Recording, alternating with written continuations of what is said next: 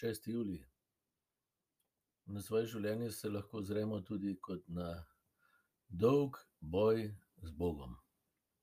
Od Adama naprej traja, pa tudi mi, ko pridemo k sebi, ko začnemo odkrivati, zakaj smo, čemu smo, kam gremo, se začne v nas tudi ta boj.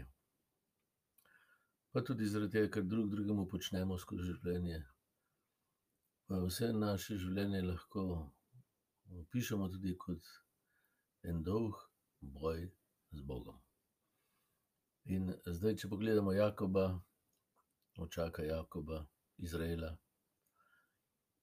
ki se je bojeval z Bogom in zmagal, potem, lahko vidimo, v čem je zmaga. Jakob, njegovo ime je grebežljivec, prevarant, tisti, ki je že brata ob rojstvu držal za peto, da mu vzel to, kar je potem res naredil, prvorojenstvo.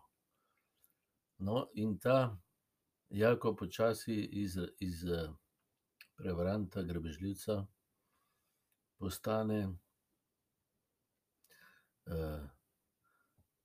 božji sodelavec, božji človek, nov človek, ampak je šel skozi boj. in Bog ga je v tem boju blagoslovil, ker v tem boju je počasi prišel do tega, kdo Bog je v resnici in kdo je sam v resnici. Nehal je biti grebežljivec, postal je brat, postal je sin. Postal je nekdo, ki z drugimi deli svoje življenje. No, to je v bistvu tudi starešinstvo ali pa naše počasno dozorevanje v življenju. Da naše življenje počasi za nas postane sodelovanje z Bogom, dar, ki ga podarjamo naprej. Boj nam pri tem pomaga, da sploh v tem dozorevamo, če vse mirno, saj veste, pozabimo na to, kdo smo, pozabimo na to, kdo je Bog. Če nam vse dobro gre, pozabimo tudi na to, v katero smer je dobro iti in kje je življenje, kje ga pa ni. Glavna, poteza Jakoba je pa zaupanje Bogu. In potem je lahko spoštoval tudi svojega brata in ga prosil odpuščanja.